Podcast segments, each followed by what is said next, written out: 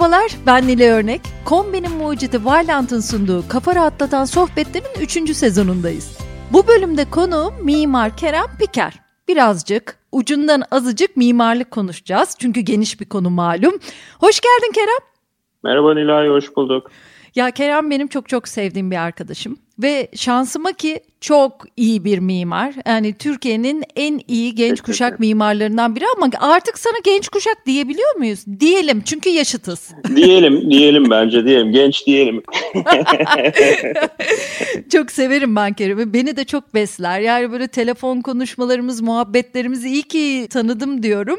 Dediğim gibi başarılı bir mimar ve biz o başarılarından yaptığı işlerden, projelerinden biri sayesinde tanıştık. Venedik Bienalinde 16. Uluslararası Mimarlık Sergisi Türkiye pavyonunda Türkiye'yi temsil eden proje o ve ekibi tarafından yapıldı. O ve ekibi diyorum çünkü genellikle hani bir mimar ve bir mimarlık e, ofisi tarafından yapılan bu işleri siz çok geniş bir proje şekline dönüştürdünüz. Çok acayip bir katılıma dönüştü o iş değil mi Kerem? Evet yani o günleri tekrar hatırlayınca hakikaten şimdi çok uzak geliyor. Çünkü içinde yaşadığımız salgın koşulları bizi bir miktar böyle kolektif işlerden, bir araya gelmelerden uzaklaştırdı. Hakikaten o gün yaptığımız işin de bir tarafıyla ne kadar değerli olduğunu da tekrar farkına varıyoruz. Bir yandan da e, o zaman yani 2018 senesinin yazında böyle uzaktan bir takım yönetilen görüşmeler, toplantılar, video konferanslarla yaptığımız atölyeler daha o günden bugünlerin habercisiymiş. Onu da fark etmeye başladık. Yani nasıl ayak uyduracağız meselesini esasında o günlerde bir miktar tecrübe etmiştik böyle her şeyin üst üste gelmesi biraz insanı da işkillendiriyor açıkçası. Ama yani işte biraz mimarlıkta öngörme işi de var.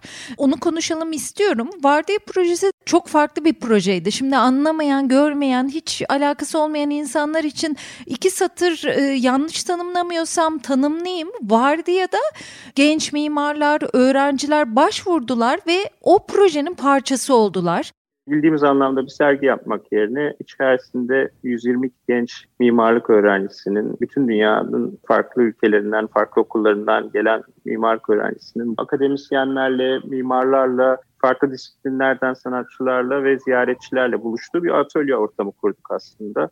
Vardiya ismi de öğrencilerin vardiyalar halinde Biennale'nin içerisine de bir haftalık bir gezi programı ve bir atölye programı içerisinde bulunmalarından kaynaklanıyordu.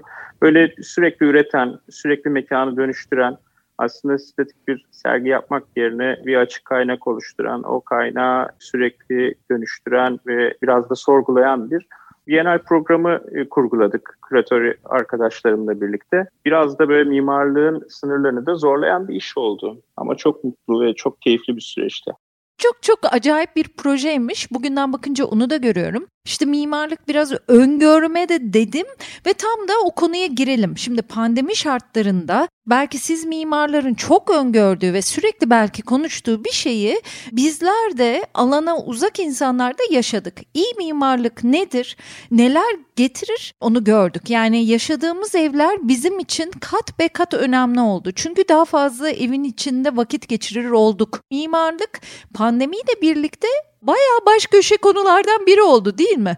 Doğru. Ev hep bizim gündemimizde yani Türkiye'deki standart kullanıcının gündeminde olan bir konu. Ama ev genellikle bir ekonomik yatırım aracı olarak görülüyor. Yani ev bir farklı yaşantıları belki de tetikleyen, e, onlara ev sahipliği yapan, onları zenginleştiren bir kültürel olgu olmanın dışında genellikle bir ekonomi aracı, bir değer getiren bir araç olarak görülüyor ve olabildiğince çabuk değerlenen, değerlendiği anda el değiştirip bir sonraki evin aslında alınmasına aracı olan bir tür yatırım aracı olarak görülüyor. Çok uzun süredir Türkiye'de aslında inşaat sektörünün bu kadar faal olmasının arkasında da böyle bir bakış var. Hmm. Şimdi tabii bu, bu evlerin içerisinde daha fazla vakit geçirmeye başlayınca aslında bizim o yatırım aracı olarak gördüğümüz ve değerlenen metanın bir anda içerisinde kendimizi buluverdik ve eskiden bizi rahatsız etmeyen şeyler yavaş yavaş bizleri rahatsız etmeye başladı. Çünkü daha sınırlı zaman geçiriyorduk. Oradaki yoksunluklarımızı başka yerlerde ikame ediyorduk belki. Şimdi bunlar biraz daha böyle görünür olmaya başladı. Öte yandan tabii mimarlık evden ibaret de değil. Mimarlığın konuları evle de sınırlı değil. Evin dışındaki konular, kamusal alan, kentler, sokaklar, buluşma mekanları, karşılaşma mekanları bunların da yoksunluğunu çekmeye başladıkça bence bunları da özler olduk. Ve esasında yaşantımızı neyin böyle sınırlandırdığını düşünürsek evet yani özgürce dolaşmak dediğimiz şey aslında kent mekanında gerçekleşiyor. Yani bizim için meydanlar, bizim için sokaklar bir anda yeniden özlemini duyduğumuz mekanlara dönüştü. Kültür merkezleri öyle iyi bir konseri izlemeyi, iyi bir açılışı gitmeyi, iyi bir sergi izlemeyi, o sergiden çıkıp çok sevdiğimiz bir restoranda yemek yemeyi veya işte sadece bir sokakta amaçsızca dolaşmayı da özler olduk. Yani bütün bunlar aslında mimarlığın bir parçası. Yani mimarlık sadece tek başına bir binayı iyi yapmak değil e, veya bir evi iyi yapmakla ilişkili değil. Bütün bunların yan yana koyduğunuz zaman bir araya geldiğinde ürettiği kültürel değer mimarlığın konusu esasında. Dolayısıyla evet yani mimarlıkla ilgili daha fazla düşünmeye belki başladığımız bir dönemdir bu. Evet, evet. Kerem de yurt içi ve yurt dışında pek çok ödül de almış bir isim. 40 yaşının altında en iyi mimarlar e, kategorisine girmiş birisi. Şimdi 40 yaşın hafif üstünde ama bu bu iş konusunda da çok düşünen biri. Ben onun için de çok severim. Şimdi mimarlık dediğimiz şey işte tam da sadece bir evden yuvaya dönüşü, bir yuvayı kastetmiyoruz. Şehir, parklar, ortak buluştuğumuz alanlar bunların tasarlanması ne kadar önemli? Gün ve gün görüyoruz zaten. Sadece pandemide de değil. Daha önce de çok konuştuğumuz şeyler vardı. Kaldırımlar, ne bileyim işte araba alanlarının insan alanlarından daha çok yer tutması vesaire bunlar hakkında çok konuşabiliriz. Bunun dışında mimarların da herhalde her dalda çok okuması gerekiyor. Yani iyi birer edebiyat okuru olmaktan tutalım da ne bileyim pek çok farklı disipline, sinemaya, müziğe farklı bir şekilde bakması ve ondan da yararlanması gerekiyor herhalde. Ha Kerem? Bilmiyorum ki ya mimarların da çok üstüne gitmemek lazım. Mimarların e, yani mimar yani hep beraber okusak fena olmaz. Yani e, şimdi mimarlık da sadece mimarlarla yapılmıyor çünkü. E, mimarlık öncelikle iyi bir mimarla iyi bir işverenin bir araya geldiği bir ortamda ancak mümkün olabiliyor. Dolayısıyla iyi bir evi talep eden bir işvereniniz yoksa işiniz çok daha zor. İyi işveren kim? Peki veya iyi mimarlığı talep edenler kimler? Öte yandan kamu yöneticileri, kamu temsilcileri iyi mimarlığı ne olduğu üzerine kafa yoruyor mu? Gerçekten böyle kısa süreli formüller, çabuk üretilecek bir takım gündelik politikalar yerine uzun vadeli yatırımlar, uzun vadeli planlamalar yapıyorlar mı? İşte bunları niye yapsınlar? Bunları yapmaları gerektiğini niye düşünsünler? İşte hep beraber okuyalım, hep beraber öğrenelim, hep beraber gelişelim. Yani mimarları da çok e, fazla e, zorlamamak lazım. Herkes okusun tamam böyle diyor ama. Ya bilmiyorum sana bakınca ben öyle görüyorum. Yani bütün bu kafa rahatlatan sohbetler içinde çok entelektüel muhabbetler yapalım niyetinde değilim ama gerçekten hani geniş bakmak için biraz da çevreyle ilgilenmek de gerekiyor. Yani herkese okuma ıı, şeyi aşılamak istemiyorum ama senden konuşurken ben pek çok şey öğrenirim mesela. Ya çok teşekkür ederim. Aynı bu karşılıklı bir şey. Yani sonuçta şöyle düşünelim. Şimdi gezegenle ilgili bir mesele var şu anda. Herkesin doğrudan e, tecrübe ettiği ama çok da böyle e, üzerine düşünmek istemediği ama bir takım insanların uzun süredir böyle ısrarla dile getirdiği bir konu var. Yani bu iklim değişikliğinden kaynaklanan kaynakların doğru kullanımı, herkese adil olarak paylaştırılması. Şimdi bütün bunların mimarlıkla ne ilgisi var? Bütün bunlar mimarlığın konusu işte. Yani bu kentin içerisinde yaşam, kent içerisinde üretmek. Bütün bunlar bu işin bir parçası. Ama bunu sadece mimarlara yüklediğiniz zaman işte mimarlığı marjinalize etmiş oluyorsunuz esasında. Yani iklim değişikliğinin ne kurtarıcısı ne de sorumlusu tek başına mimarlar veya da mimarlık olabilir.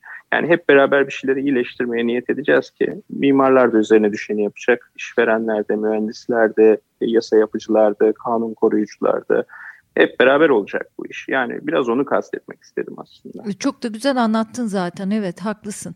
Yani ama genel bir bilinçlenme var sanki değil mi? Yani senle de ara sıra bunu konuşuyoruz. Mesela benim açtığım bir Instagram hesabı üzerinden ya da benim dönüştürdüğüm bir Instagram hesabı diyeyim. Ben orada mesela bina hikayeleri anlatmaya başladım ve ilginin çokluğu beni şaşırttı. Demek ki böyle bir ihtiyaç hepimizde var. Senin Umut Ortakarar hesabının esasında gösterdiği, bize öğrettiği şeylerden bir tanesi gerçekten bu. Yani etrafımızda böyle bir ilgi, böyle bir alaka var. Yani bu bir kolektif proje diye görüyorum ben. E, çünkü sen bunları böyle bir tür öğreten kadın pozuyla veya rolüyle anlatmıyorsun. Esasında insanları o bilgi toplama ve bilgiyi paylaşma sürecine dahil ediyorsun. İnsanlar da kendi hikayelerini anlatıyorlar ve o hikayeler hem paylaşıldıkça çekiyor hem de daha fazla hikayenin anlatılması için de bir ortam oluşturuyor. Bunu tabii ki bugünkü sosyal medya olanakları ile yapabiliyoruz. Belki bundan 10 yıl önce bunu bu şekilde formüle etmek çok kolay değildi ama öyle ya da böyle böyle bir merakın oluştuğu, böyle bir talebin bir tür nostalji duygusunun ötesine geçtiğini görmek de mümkün. Çünkü bizde şey vardır böyle bir yaşanmamış olan aslında tamamen kurgusal olan bir geçmişin bu şehrin, bu ülkenin iyi zamanları olduğuna dair bir inanç ve her şeyin bir bozulduğuna dair karamsarlık duygusu hep hakimdir nostaljik bir bakış diyelim buna. Eski İstanbul fotoğraflarına bakmak, o İstanbul fotoğrafları üzerinden İstanbul'un eski halinin esasında ne kadar iyi olduğunu sürekli tarif etmeye çalışmak çok da gerçekçi bir tutum değil. Bunu hepimiz biliyoruz. Yani kentin o zaman da dertleri vardı. Bugün daha büyük dertleri var. Evet bazı şeyler daha kolaydı, daha iyiydi. Ama pek çok şey de o kadar iyi değildi. Ama sonuçta bunun bir kere ne olduğunu anlamaya yönelik bir merak oluşması iyi. Öte yandan nostalji duygusunun önüne geçiyor dememin bir sebebi de şu. E, her binanın hikayesi de o kadar cazip, o kadar süslü olmayabilir binanın tıpkı kendisi gibi. Ama senin hesabında daha net olarak gördüğümüz o kadar süslü, o kadar şatafatlı, o kadar heyecanlı hikayelere sahip olmayan binaların da esasında insanların hayatında, kentin hayatında, kentin içerisinde bir anlamı olduğu, bir önemi olduğu ve bunların da pekala diğerleriyle bir arada öğrenilmeye, araştırmaya hatta korunmaya değer kültür varlıkları olduğuna dair bir fikrin de geliştiğini ben görüyorum. Tabii, Bu tabii. çok sevindirici tabii. Çok doğru bir şey söylüyorsun. İlla ki 1930'larda yapılmış Art Nouveau bir bina olması gerekmiyor. Üstünde çiçekler ya da kadın kafaları olması gerekmiyor. Yani bir binanın değeri için pek çok bileşen var. Ne bileyim içinde insanların mutlu yaşamasından tut da doğru yerden güneşi rüzgarı alması vermesi ne kadar ya da içinin döşenmesine kadar pek çok element var orada ve sen bana işte mesela Üçler Apartmanı gümüş suyunda hemen Alman konsolosluğunun yanında kocaman bir binadır. Yani çünkü ikili onlar aslında bir süre sonra iki bina halinde düşünülmeye başlanmış. Sen bana onun önemini anlatırken Kerem ya bu binaya mı güzel diyorsun derdim. Mesela hatırlıyorum senin o muhabbet muhabbeti yaptığımızı. Alman konsolosluğunu da ben yani yapısal olarak beğenmem. Tek blok bina ya yani tabii ki ben kimim de beğenmiyorum ama yani bana işte dışarıdan bakan bir insan olarak çok şey gelmezdi. Sonra o Üçler Apartmanı'nın tarihini, mimarlığını ve ne şartlarla hangi gün ne kafayla yapıldığını görünce içine ve içinin o eski fotoğraflarına bakınca aman Allah'ım dedim ya ya ben ne kadar yanlış değerlendirmişim. Bazı şeyleri de işte dönemiyle de değerlendirmek lazım. Yani aslında bir mimar o günün şartlarıyla çevresiyle değerlendiriyor ve bugün nasıl dönüşeceğini çevrenin İstanbul'un İstanbul gibi çok değişen bir şehirden bahsediyoruz özellikle. Tahmin edemiyorsun, düşünemiyorsun. İçinde yaşayanlar da oranın değişimini sağlıyorlar değil mi? Sen üçleri bana söylediğinde benim için bambaşkaydı. Sonra başkalaştı mesela. Çok sağ ol. Yani bu Üçler Apartmanı'nın bulunduğu köşeyi düşünelim. Bütün bu araştırmanın ve bütün bu incelikli düşüncenin, senin yaptığın araştırmanın hiç var olmadığını bile düşünsek, o apartmanın o köşede bulunmasını ve oradaki varlığını düşünelim. Şimdi kentin içerisinde bazı noktaları, bazı yapılar bir süre sonra o yerle öyle bir emhal oluyorlar ki o köşenin, o noktanın, o kent parçasının, o sokağın ayrılmaz bir parçası oluyorlar. Ve aslında orayı o yapı olmadan, o yapıyı gözünüzü kapattığınızda belki doğrudan hayal edemezsiniz bile o yapı olmadan düşünmek de pek mümkün. Şimdi bir de böyle de bir katman var. Yani hmm. hem yapının mimarlık kültürü için değeri var. Söylediğin Üçler Apartmanı önemli bir mimar. E, Seyfi Arkan'ın yapısı mevcut bir yapıya eklemleniyor. İkinci bloğu yapıyor. İçerisinde mekansal olarak sunduğu kaliteler var. Bir dönemin sınırlı yapım olanaklarına karşın dünyanın pek çok yerindeki üretimlerle eş zamanlı bir modern mimarlık iddiası var. Bütün bunları bu coğrafyada daha yeni savaştan çıkmış bir coğrafyada üretmek hakikaten bu kadar aktüel, bu kadar güncel bir yapının tasarımını üstlenmek, sonra bunu ikna edip inşa etmek. Bütün bunların zorlukları mimarlık kültürüyle ilgili bir konu ama bir de mimarlık kültürünün haricinde gündelik hayatta da ilgili o yapının oraya bir süre sonra bulunduğu yeri kavrayışı ve bulunduğu yerde neredeyse kent için bir kerteriz oluşturacak kadar o yerin bir parçası olması da önemli esasında. Yani her yapı üçler apartmanı olmayabilir, her yapı ralli apartmanı olmayabilir ama bu yapılar esasında yan yana geldiklerinde anlamlı bir bütün oluşturuyorsa tek tek bulundukları estetik değer, mimari değer de o kadar önemli olmayabilir. Yani bunun toplamı iyi bir şey yapıyor zaten. Mesela senin özellikle yaşadığın yere böyle baktığını, gümüş suyunun ve bütün her neredeyse apartmanını merak ettiğini, o yapıların oluşturduğu ama gümüş suyunu gümüş suyu olarak sevmeyi de sağlayan şeyler hem tekil yapılar hem de onların bir araya getirdiği bütün. Dolayısıyla içerisinden bir şeyleri eksiltmeden onu bir bütün olarak kavramamızın da önemli olduğunu düşünüyorum. Hı hı hı. Ne kadar doğru bir şey söyledim ve insanların böyle bakmaya başlamasıyla bir şeylerin de değiştiğini ben hissediyorum. Görüyorum diyemem. Daha bunun bir zamanı var tabii ki. Uğur Tanyeli'nin modern duyarlılık dediği şeye biz yeni yeni sahip oluyoruz. O bana yani bu yaşadığı şey modern duyarlılık demişti ve hakikaten bunun modern daha yeni bir şey olduğunu da düşünüyorum. İnsanlar yaşadıkları yere o açıdan da bakıyorlar. Bir bütün olarak tek tek de bakıyorlar ve her şeyin bir hikayesinin olabileceğini düşünmek bile çok güzel. İşte konuştuğumuz gibi her yer bir Doğan apartmanı, Mısır apartmanı, Ralli apartmanı olmayabilir ama her birinde ayrı bir espri var, başka bir yaşanmışlık var. Ben de biraz onu anlatmaya çalışıyorum. İnsanlara da bakınca böyle sıradan gelebilirler. Hepsinin işte güzel olması gerekmiyor. Ama ne hikayeler olduğunu ona birazcık bakınca anlıyorsun ve bakınca da değerini de anlıyorsun. Onunla yaşamayı da daha kıymetli bulup öğreniyorsun öğreniyorsun. Hani sen dedin ya yani Türkiye'de genel olarak altın gibi belki dolar gibi euro gibi bir değerlendirme aracı gibi görülüyor binalar. Ama bunun dışında da bizim yaşam alanlarımız ve hikaye kumbaraları onlar aslında. Değil mi? Mekanı yaşatmak diye bir kavram var. Çok da konuştuğumuz. Yani o mekanlar hikayeleriyle yaşantılıyor ancak. E kentin kültürü de böyle oluşuyor. Süreklilikler de böyle sağlanıyor. Bir de hani bir şeyi niye koruyoruz? Yani bunun böyle farklı katmanları olabilir. Bir tanesi işte tarihsel değerinden ötürü. Bir tanesi mimarlık tarihindeki işte önemli bir katkısından ötürü. Bunlar tamam yani bunları yasayla tarif edebilirsiniz. Dersiniz ki işte şu yıldan önce yapılmış olan yapıları koruma altına alıyoruz veya mimarlık açısından önemi işte şu türden araştırmalarla tespit edilmiş şu yapıları koruma altına alıyoruz. Şimdi bu yasalarla koruduğunuz, yasalarla korumaya çalıştığınız hamleler kenti bir yere kadar aslında koruyor.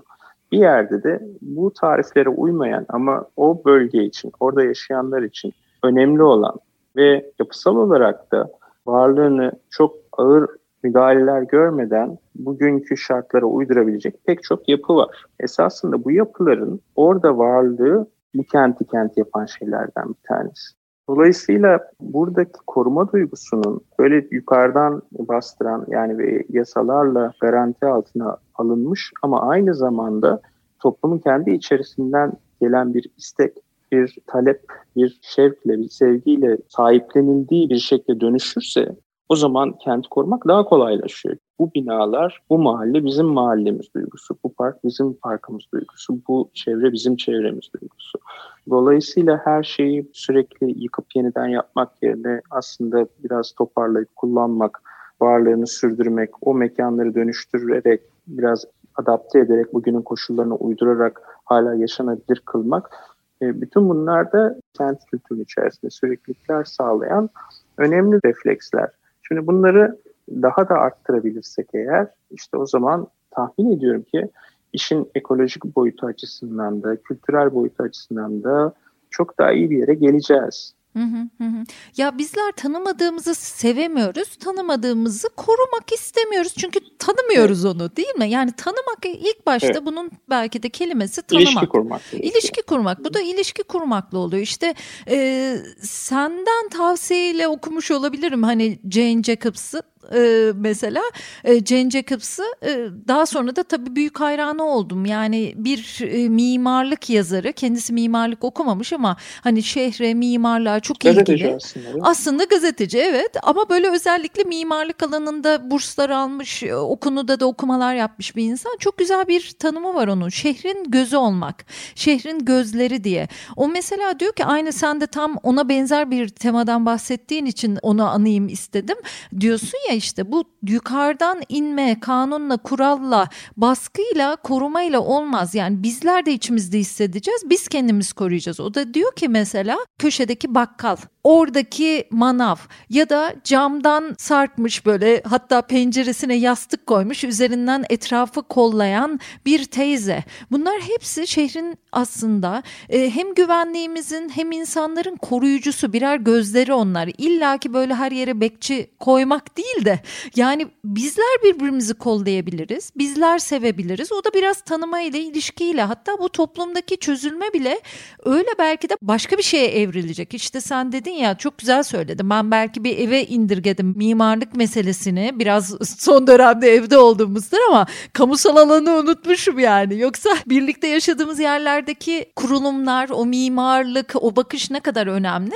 Sen mimarlara çok yüklenmeyin diyorsun ama mutlaka mimarların rolü var. Bizim de istememiz gerekiyor. O iyi mimarlığı da bizim istememiz gerekiyor. Senin dediğin gibi işverenin mimarla ilişkisi. Ben Arkitek dergisinin 1930'lardan bugüne bugüne gelen gelemedi pek de yani o yıllardaki sayısına da bakınca bütün yazılarda şöyle görüyorum.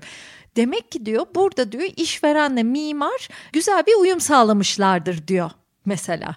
O zaman da önemliymiş, bugün de önemli değil mi? Yani birlikte çıkan akıldan neler çıkıyor?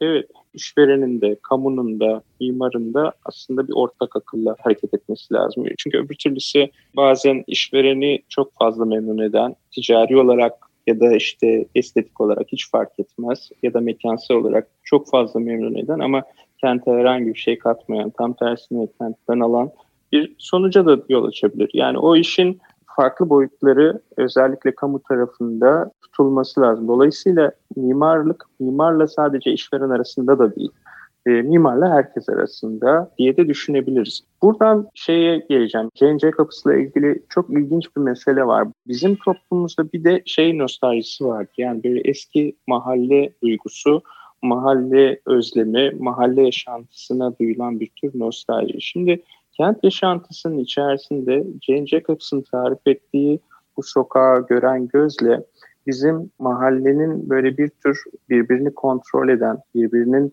sınırlarını aşmaya kadar bir kontrole dönüştüren, birbirlerinin özgürlük alanlarını, birbirlerinin yaşam tarzını da kontrol etmeye başlayan o göz arasındaki farkı da ortaya koymak lazım. Yani bu ne o ne o. Çünkü öbür türlüsü aslında kentin dinamiğine de aykırı. Yani kent biraz da kırsaldan farklı olarak farklı yaşantıları bir arada tutan, herkesin aslında kendi merakları, kendi özgürlük alanlarını eş zamanlı olarak saygılı bir biçimde bir arada tutabildiği bir ortam da sağlıyordu. Bunun için insanlar kente geliyor. Bunun için bazı kentler daha cazip. Bunun için fikirler yeşeriyor. Bunun için ekonomi farklı işliyor. Normalde hiç bir arada yaşamayacak olan insanları coğrafi açıdan, kültürel geçmiş açısından, ekonomik veriler açısından bir arada tutan bir ortak zemin oluşturuyor kent hem bunu becerip hem de kentin içerisinde öyle fazla tahripkar olmadan hala kentin belli başlı nüvelerini tutan bir kültürü sürdürmek nasıl mümkün olabilir? Bu başlı başına bir tartışma işte. Ama iyi bir tartışma. Yani bu tartışmayı hiç yapmadan ve sadece dozerle bütün tartışmanın üzerinden geçmek müthiş çorak bir kültür ortamı üretiyor. İşte ondan uzaklaşmak lazım. Bunu hep beraber yapacağız. E, tabii. Bizim nesil bence onu biraz yapabilir diye düşünüyorum. Çok güzel bir noktaya parmak bastın. Şimdi Jane Jacobs'ın kurduğu o mahalle ortamıyla Türkiye'deki mahalleler biraz daha farklı olabiliyor. Bizim kültürümüzle Amerikan kültürü farklı. Yani mesela Amerika'da böyle bizim sorduğumuz kadar kolay yaş, kilo soramazsın. Değil mi? Kaç lira kazanıyorsun diye bizim kadar kolay soramazsın. Şimdi tabii o öyle bir mahalle tarif ederken yani bizimkisi biraz daha farklı oluyor ama bizim nesil o sınırları biraz daha öğrendi diye düşünüyorum. Bizim gibi şehirlilerle aynı zamanda mahalle özlemi olan şehirliler yani yine ben mesela bunu güzel halledebiliriz diye düşünüyorum. Ben mahalle seviyorum. Mesela yani ben evet, evet. çok büyük bir yerde yaşamama rağmen sepet sarkıtıyorum. Postalarım bir bakkala gidiyor. Hadi ondan önce de bir kahveye gidiyordu. Yani bizim burada işte üçüncü nesil kahve ama yani ben evde yoksam onlar alır. Ondan sonra işte perdelerden anlarlar. E, Nilay orada yok bugün ben alayım falan. Yani o birbirini tanıma hali, o tanışıklık birbirini kollama da getiriyor. O da çok hoşuma gidiyor. Yani mahalle tarafından kollandığın bir durum var. E belki tabii dedikodunu da yapıyorlardır. Olabilir yani. Hani bu da ben ona da razıyım aslında. Tabii tabii. Yani oradaki sınırı doğru çizmek gerekiyor. Orada yani Cihangir, Gümüşsuyu bu mahalleler bu kültürü böyle farklı bir noktaya dönüştürebilmiş özel yerler. Yani orada hakikaten kimse kimsenin tercihlerine, cinsel, dinsel herhangi bir tercihine karışmaz. Karışmamayı öğrenmiş ve buna rağmen birbirini kollayan, söylediğin anlamdaki ilişkileri hala muhafaza edebilen veya yeniden kuran, belki başka türlü kuran bir ortam yani bunun becerilebildiğinin göstergesi olan mahalleler. Dolayısıyla elbette mümkün ama bu böyle geçmişteki o Perihan abla değil yani. Mesela Perihan abla dizisi değil. Şimdi Perihan abla dizisi deyince kim hatırlayacak, kime şey yapacak bilmiyorum. Ama hani tam da o nostaljinin karşılığı değil aslında bahsettiğimiz şey. Yani bu, bu gene kentli bir durum yani. Tabii tabii ya işte Kerem Piker ya çok seviyorum. Şimdi onu bir Google'lasanız tanımıyorsanız fiziki olarak böyle Elon Musk'a benziyor. Ben böyle onu benzetmişler. Ben onu görünce çok güldüm. Gerçekten de artık Kerem'e arkadaşım olmasına rağmen biraz o şeyle bakıyorum. Allah zenginliğini başka benzetsin. Başka türlü Yok başka türlü bakabiliyorum yani. Seni daha önce tanıdığım ve sevdiğim için. Şu huyunu çok seviyorum Kerem'in. Mesela bir şey söylüyorsun asla o gelgele gelmiyor. Hemen yeni bir düşünce katıyor, onaylayıp geçmiyor, üçüncü bir göz katıyor. Yani bu muhabbetlerde onun için çok istediğim biridir katılsın diye. Böyle akademik ciddi ciddi çok düşünerek konuşur ama çok da gırgır yaptığım, çok şey öğrendiğim bir arkadaşımdır. Bütün hepsi karşılıklı. Tamam o zaman sevinirim. Emre Arolat'la daha geniş bir nasıl olunur ve mimarlık tartışması yapmıştık. Orada da Emre Bey şöyle bir şey söylemişti. Kerem de onunla uzun bir süre sıkı çalıştı. Hatta ortaklarından biri oldu değil mi Kerem? Doğru, doğru, doğru. Bir dönem evet. O da çok güzel bir şey söylemişti. Nasıl iyi mimar olunur demiştim. Daha dakika bir hımbıl olmamalıyla başlamıştı. Ondan sonra e, çok iyi bir girişti. Pek çok özellikten sonra şöyle bir şey söylemişti. İyi de bir insan olmalı iyi mimar. Hakikaten Kerem'de onu çok görürüm. Hani iyi bir baba, iyi bir eş, iyi bir arkadaş olmayı başarabilen, iyi bir arkadaş modunu çok hissederim. Onun için de bu sohbet benim için de böyle bir tadımlık oldu. Umarım Kerem'le daha güzel de işler yaparız. Benim hep birlikte çeşitli alanlarda çalışmak ve konuşmak istediğim bir insandır. Siz de zevk almışsınızdır umarım diye düşünüyorum. Sen bir şey demek ister misin? Çok konuştum. Çok teşekkür ederim. Çok şımarttın beni. Sağ ol, var ol. İnşallah daha güzel şeyler yapacağız hep beraber. Kombinin mucidi Valiant'ın sunduğu kafa rahatlatan sohbetlerin mimarlık bölümünü de bitirmiş bulunduk. Kerem Piker'di konuğum. Çok sağ olsun. Teşekkür ediyorum dinlediğiniz için size de.